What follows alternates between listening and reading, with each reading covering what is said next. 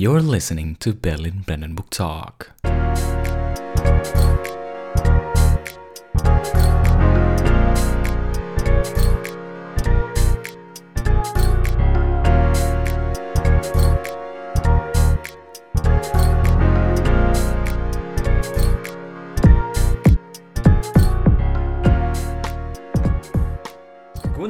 Herzlich willkommen zu unserem Podcast Berlin Brandenburg Talk, or also known as To Be Talk, with your host Adib. Dan Maulana. Yes, Maulana. Akhirnya kita akan melanjutkan pembahasan kita mengenai overthinking dari episode yang lalu. Betul banget. Nah, Oh, kita boleh recap dari dirimu apa yang telah kita bicarakan di episode yang kemarin, Mau? kita udah kemarin sharing tentang apa itu overthinking. Mungkin lebih ke pengalaman masing-masing kayak Mhm. Gimana kalau gua misalnya klausur, mungkin tentang praktikum, kalau Hmm. tentang masa depan gitu kan. Iya. Terus juga kita udah ngebahas tentang dampak-dampak uh, ya secara general apa yang kita rasakan saat kita overthinking. Mhm. Terus juga bahwa itu bisa stres dan lain-lain. Benar-benar. Betul. Dan juga terakhir tuh kita ngebahas tentang bahwa overthinking itu bisa di-trigger oleh banyak, Banyak hal. hal. Dan setiap orang memiliki trigger yang berbeda-beda. Nah itu yang bakal kita bahas di episode berikutnya Dan kebetulan, nggak kebetulan sih Alhamdulillah Di episode kali ini Narasumber kita namanya Felix Hai. Sama juga Iya. Terima kasih Felix sudah datang lagi ke podcast asik kali ini Waduh, gue awkward lagi nih. Nah kembali ke trigger tadi ya Mhm. Berarti kita harus mengenali yang namanya trigger Atau akar masalah dari being overthinking itself Mhm. Ya nggak sih? Betul. Nah sebenarnya trigger ini tuh uh, merupakan kalau untuk menge- mengetahui trigger yang membuat kita overthinking itu menjadi salah satu step untuk membantu kita mengurangi overthinking itu sendiri. Oke Ada pola-pola ya dan biasanya bisa uh, dilihat dari pola. Ada Hmm. pola-pola yang bisa kita temukin dari kebiasaan overthinking kita gitu. Kalau misalnya kita Ah. udah bisa membaca polanya, kita bisa identifikasi triggernya kayak apa yang memancing kita overthink gitu. Kalau kita sudah kenal triggernya, kita Uh-huh. bisa telah lebih jauh. Apa sih sebetulnya yang jadi sumber ketakutan atau kekhawatiran atau kecemasan yang kita pikirin gitu. Nah kalau kita sudah bisa identifikasi, kita bisa fokus untuk menyelesaikan sumbernya aja. Biasanya ketika kita overthinking, ada hal yang memang sebenarnya tuh jadi Mhm, masalah mhm. gitu Iya, buat iya, kita. iya. Ada Hmm. juga yang sifatnya contributing factors gitu. Oke oke Fokus dengan yang menjadi sumber masalahnya. Solve one thing at a time. Oke Kalau misalnya ada Mhm. contributing factors bisa kita list down aja. Kemudian Hmm. kalau dirasa ganggu, ya kita define strategi lagi untuk keep up dengan hal itu. Cop up Ya cope up. Sorry. Oh my god. jadi kayak Superman. Coping, coping. Coping. tapi tapi itu kembali dengan apa yang lu state tadi ya Maulana. Mhm. Gue ingin nanya ke Felix. Felix yang sudah mengarungi uh, overthinking boatnya ya. Iya. Artinya kalau misalnya lu udah menyadari kalau diri lu overthinking, lu mengenali pola-pola overthinking lu nggak? Uh, kenal. Kalau boleh tahu itu seperti apa? Gue masih sangat-sangat abstrak dengan pola overthinking itu loh. Gue nggak ngerti sama sekali. Itu berbeda-beda sih, tapi itu selalu memang ada triggernya seperti yang tadi dibilang ya. Oke. Jadi ketika one thing happen, another thing happens itu, lu tiba-tiba mikir gimana tuh dampaknya ke depannya. Oke. Seperti contohnya gimana ya ketika lu ada masalah, Mhm. lu pasti mikirin masalah itu Yes. gimana lu mau solve masalah itu kan. Mhm. Eh terkadang kalau misalnya dampak dari masalah itu gede banget, lu pasti bakal lebih banyak overthink gitu kan. Soalnya kalau Oke, misalnya iya. masalah ini lu nggak bisa solve gitu, kayak seakan-akan lu nggak bisa, lu nggak kelihatan dengan clear solusinya apa gitu. Hmm, jadi kayak abu-abu gitu. Pad- iya dan juga padahal kita juga sebenarnya nggak kita benar-benar ketahui trigger dari masalah ini apa, worry kita dalam Hmm. masalah itu apa. Apakah karena kita insecure, karena kita malu, karena kita takut atau Hmm. apa gitu kita harus cari tahu juga kan gitu sebelum kita benar-benar solve masalah ini. Oke. Jadi menurut gua kayak penting ada pentingnya untuk mencari trigger dari apa apa yang kita pikirkan itu apa yang membuat kita sangat cemas dan overthinking gitu. Jadi kalau misalnya nih gue konsult, ah, bukan konsultasi, gue tanya sama lu pada dan gue ingin tahu opini lu pada. Misalnya nih, gue belum mengenal pola dari overthinking gue. Hmm. Dan misalnya overthinking gue ini mengenai ya, S2 gue gitu. Hmm. Yang yang kalau misalnya tadi dimention sama Maulana sama lu untuk mencari sumber dari triggernya itu kan. Mhm. Which is uh, setelah kita ketahui sumber dari triggernya itu kita harus find a way to Hmm. To solve that. Nah, gitu. Nah, benar. di kalau di circumstance gue kalau di file gue kan berarti kayak eh, gue nggak bisa ngelakuin apa-apa selain memikirkan gitu Hmm. ya nggak sih apa yang harus gue lakuin lagi biasanya ya kalau salah satu hal yang bisa ngebantu walaupun ini bukan untuk semua orang gitu ya tapi Mhm. ini secara general tuh bisa membantu adalah dengan journaling ah journaling journaling atau menulis diary atau apa pun lah intinya ya ada ada sebuah buku Mhm. di mana lu bisa menulis train of thought lu Mhm. eh, apa pun yang lu pikirkan gitu nah mungkin bisa lebih lanjutnya bisa Felix yang ceritain gue mau potong dulu Ah. Uh, journaling dan diary beda betul makanya gue tadi koreksi diary itu record dari pas lo dari masa lalu lo Ah, apa yang terjadi oke. tapi journaling itu reflecting oke ya kita look back apa yang kita rasakan apa Oh. yang kita lakuin Mhm. apa yang kita rasakan dengan apa yang kita sudah kita lakukan itu terhadap orang lain atau untuk diri kita sendiri nah itu journaling jadi jadi harus hati-hati journaling dan diary sering kali orang-orang sering kayak bilang oh gue gue sering ngomong sama teman-teman di Singapura gue kan. Ah, ah. The way, gue SMA di Singapura guys jadi gak penting sih. Tapi gue kan masih tetap keep in contact. Jadi gue sering banget ngomong tentang hal ini sama teman-teman baik gue di Singapura. Itu kayak ya gue sekarang journaling gitu. Soalnya gue juga gue kalau gue a, bit honest gitu gue tahun lalu di, di, di diagnose dengan adult ADHD oke atten- attention deficit hyperactivity disorder Mhm. jadi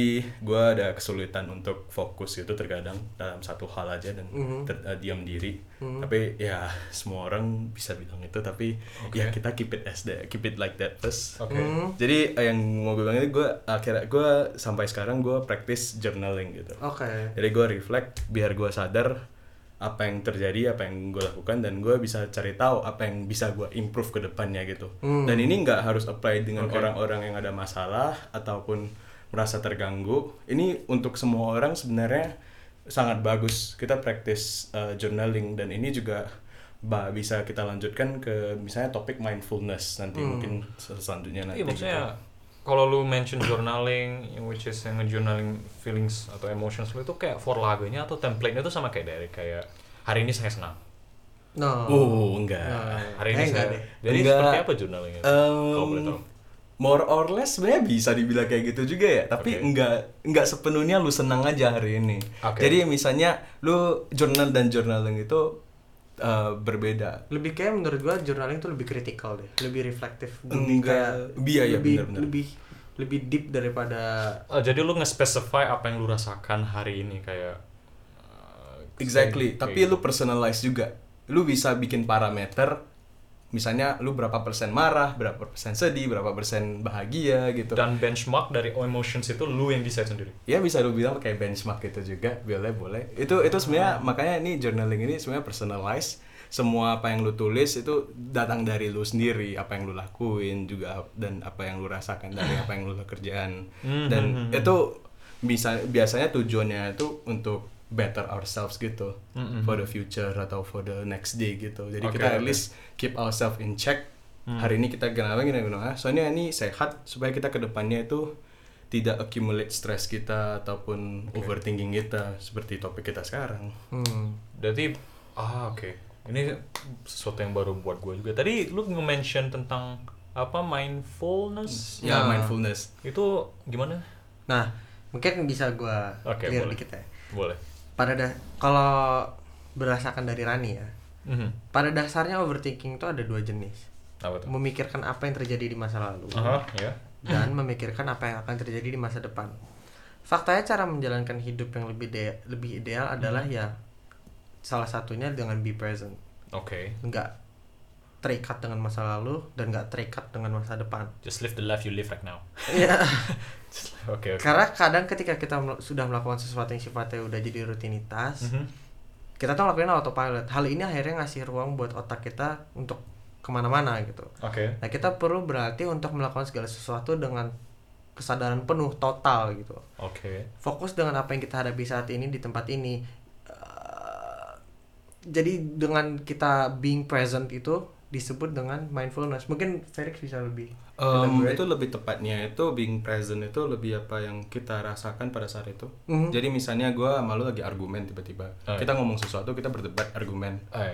Nah, mindfulness itu terjadi ketika gue tiba-tiba kayak gue stop, gue sadar kayak oke, gue emosional ngomongin hal ini dengan lu gue nggak boleh melanjutkan itu mindfulnessnya itu datang dari sana makanya kita practice mindfulness gitu kayak we are mindful of what we are we are talking about gitu.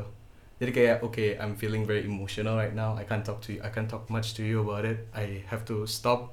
Gue harus reda dulu. Jadi gue harus sadar gitu apa yang ya apa yang gue harus lakukan. Dan ini memang susah untuk praktis karena banyak orang sering terbawa emosi aja. Kita menganjurkan apa yang kita mau. Jadi ataupun ketika kita melakukan sesuatu semuanya kita jadi autopilot gitu ya. Hmm. jadi kita sa- sama kita em, pas kerja kita nggak sadar itu kayak pas kerja kita Lu nggak di situ gitu. lu nggak di situ tapi kayak somehow badan lu bergerak, Bergerak aja. aja. tapi lu nggak sadar nah Hmm. makanya ada bagusnya untuk mempraktekkan mindfulness gitu biar kita sadar akan presence kita akan Hmm. apa yang terjadi di present dan juga apa yang sedang kita lakukan itu Kayak hal-hal simpel menurut gua sih mungkin bisa dimulai kalau mindfulness itu bisa dimulai dengan dari cara kita nafas misalnya. Karena nafas kayak yang di sini kan hal sudah menjadi suatu udah otomatis banget kita tuh nggak nggak take care tentang hal itu gitu. Oke, oke. Padahal nafas kan merupakan salah satu uh, Iya, aspek biologis yang paling benar-benar penting kan. ya. Iya, Benar-benar. Tapi kalau misalnya kita teratur nafasnya gitu misalnya kayak kayak nggak Iya, teratur iya. kan pasti berantakan. Ah, makanya banyak yang app-app yang kayak untuk menenangkan diri tuh yang kayak misalnya apa sih Headspace ya kalau nggak salah. iya Hmm. Itu, itu kan kayak lu melatih gimana cara lu bernafas kan kayak atau kalau misalnya untuk mencari kenangan kayak yoga itu juga kayak yang paling di emphasize tuh gimana cara nafas yang benar gitu loh. Mungkin itu untuk meraih state of mindfulness. Benar. gitu. Betul. Ah, dan kalau mau add on ya dari Oxford Dictionary Oke. mindfulness itu quality or, or state of being conscious or aware of something gitu Awarenessnya itu yang di, Benar. ditekankan. Hmm. kita conscious dan kita aware kan sesuatu Hmm. hmm. Betul. Hmm, dari apa yang tadi Felix jelaskan tentang definisi yang tadi yang dari Oxford ya. Mindfulness, Mindfulness. tentang mindfulness tentang mindfulness benar. Gue jadi keinget frase you are what you think. Ya itu, iya gak sih? Pernah gak sih you are what you think? Pernah. You are the story to tell? You tell Yourself? enggak Yeah. gue nggak tahu sih Nggak, Bu, Kayak kalau yang quote-nya itu- dari Ralph Emerson itu deh tapi Jadi kayak ke- kembali lagi dengan apa frase itu eh Uh, fa- apa quote yang you are what you think itu mhm. bukan kalimat yang ya ya udah cuman sekedar quote gitu. Hmm. Tapi konsepnya itu memang terbukti secara ilmiah. Oh iya. Uh, Oke. s- once kita overthink Hmm. atau judge sama orang lain sama oh my god okay, judge sama orang lain kalau Uh-huh. kita tuh overthinker Uh-huh. otak kita bisa bikin kita beneran jadi pribadi yang overthinker padahal mungkin tadinya nggak separah atau semelekat itu sampai jadi sebuah identitas gitu Hmm. kalau kita sudah masuk di fase seperti itu coba kita tell another story to ourselves coba bilang, Ah, kayak coba bilang instead of being known as overthinker, I'm in charge of myself. I'm in charge of my emotions. Ya gak sih? "Hmm, I think clearly I think contoh clearly. kalau misalnya gue bisa kasih contoh ya Ah, um, maksudnya taking control your thoughts itu Mhm. kalau gue coping mekanismenya ketika gue mau tidur tapi gue nggak bisa tidur maksudnya gara-gara mikir yang nggak jelas gue merem nih. Terus gue visualize apa pun yang gue pikirin sedemikian rupa Oke. supaya ada di satu tempat. Uh-huh. terus gue mikir gue visualize ada kertas yang ngebungkus terus gue buang. Ah, keren itu gue lakuin berkali-kali sampai otak gue tuh nggak berisik kepala gue tuh nggak berisik. Damn Bentar, berarti artinya misalnya you have something, kayak lu repeatedly overthink about this thing, Ah. dan lu representasikan itu menjadi sebuah kertas, yang nanti kan lu lu buang Ya, kan. lu buang. Tapi kalau misalnya itu muncul lagi, itu artinya lu nggak buang secara properly atau lu terus buang satu topik itu pokoknya gue tuh sampai ke- sampai kira-kira kayak kepala gue tuh udah nggak berisik lagi gue udah nggak mikirin terlalu banyak tentang hal itu Eh. baru gue pelan-pelan tidur Hmm. contoh itu kalau gue kayak gitu misalnya Oh, worth to be tried sih. Karena gue denger co- coping mechanism kayak gitu tuh nggak satu orang yang seperti itu. Banyak sih. Hmm. Dan gue kayak penasaran kayak how to visualize it itu. itu tergantung setiap orang Ah ya benar benar benar. tapi mungkin bisa dielaborate you are what you think dari Oh, gue gue nggak cocok sih buat hal seperti ini ya. Saya gue ada pada dasarnya overthinker dan gue gue mikir sama tapi yang mungkin bisa membantu itu gue ada satu realization aja. Mhm. what I've done is what I've done. Jadi gue move on with my life. Oke. jadi kayak gue nggak usah mikir soal regret dan apa yang akan terjadi leave it for tomorrow gitu. Mhm. hari ini untuk hari ini aja udah cukup. Mhm. I have my own limits. Gue bukan seorang Tuhan yang bisa mengontrol Bukan segala Superman apa. Gue nggak bisa ngontrol semuanya di hidup gue jadi gue harus like kayak take control atas diri gue sendiri aja Hmm. my emotion aja yang eksternal gue nggak bisa take control gitu Benar-benar. Jadi kembali lagi dengan frasa yang I'm in charge of my emotions, Hmm. I think clearly itu kayak mungkin bisa kayak supaya pelan-pelan respon kita terhadap suatu trigger yang tadi udah kita mention itu itu bukan jadi mikirnya kebablasan akan trigger itu loh. Kita Hmm. malah mikir lebih gimana ya jernih kalau gue bilang kayak kita merasa kita malah mikirnya tuh kayak in charge tentang emosi yang kita rasain gitu Hmm. Hmm. dan selain kita uh, take that quote into account yang kayak you're what you think you are the story to tell yourself Hmm. kita juga uh, menurut gua sih fokus on what you can control itu Betul. seperti yang Felix bilang tadi Betul banget barusan tadi. Uh, speaking of controlling emotions kunci lain untuk mengendalikan overthinking adalah fokus on what we can control Betul. itu mungkin Felix bisa elaborate skill, uh, sedikit lagi tadi udah di mention dari experience-nya Wah, dari experience-nya ini bertahun-tahun dari banyak terapi yang harus gue ikuti untuk baru benar-benar gue bisa terima juga.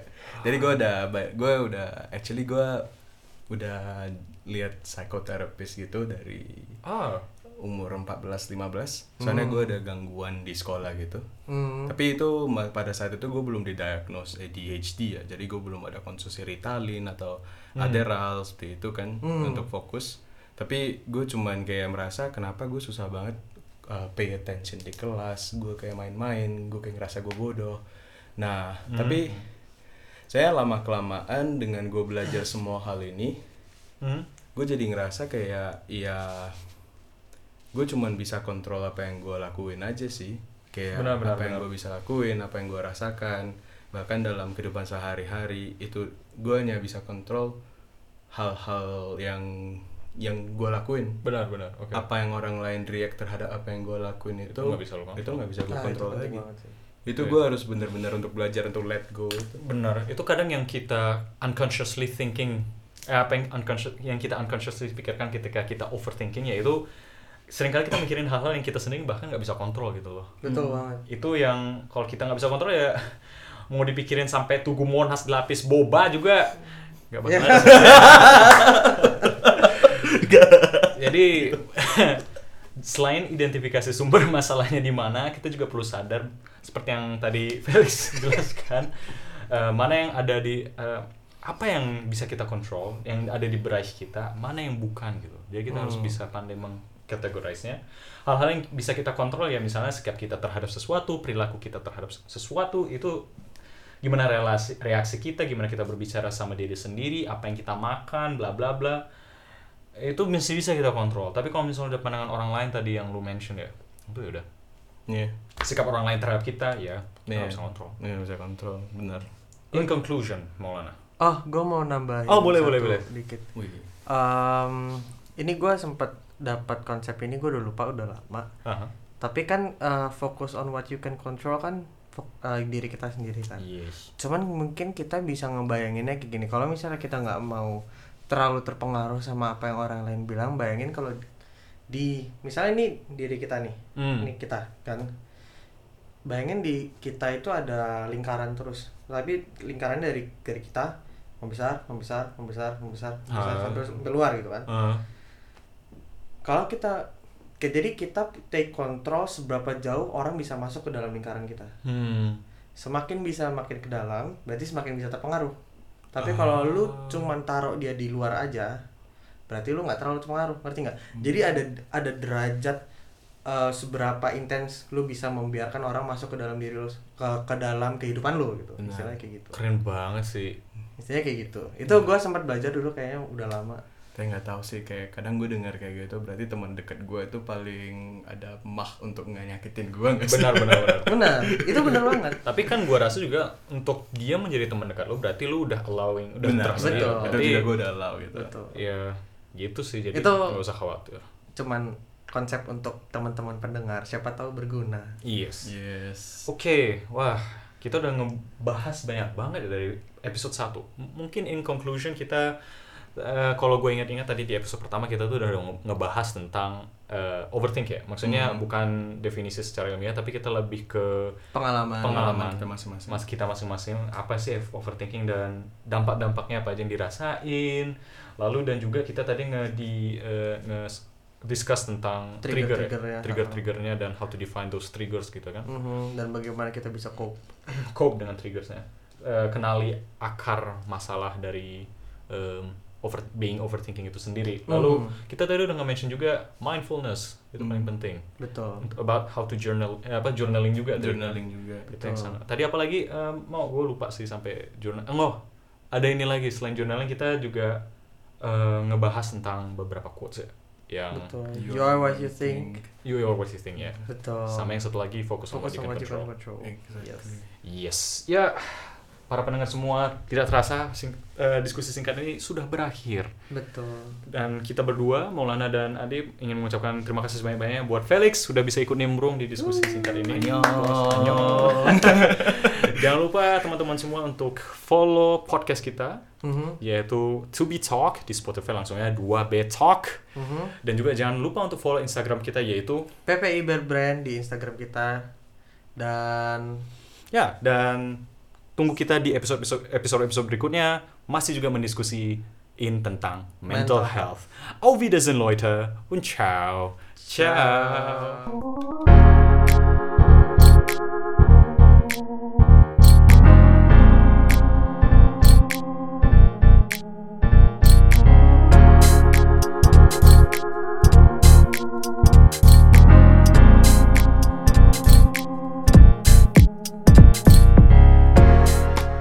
Terima kasih telah mendengarkan episode podcast minggu ini. Segala informasi yang kami utarakan di podcast ini didasarkan oleh opini masing-masing dengan tujuan untuk berdiskusi. Nantikan episode podcast berikutnya dan jangan lupa untuk follow Instagram kita juga yaitu @ppi Berbrand. Wir bedanken uns nochmal bei euch und auf Wiedersehen.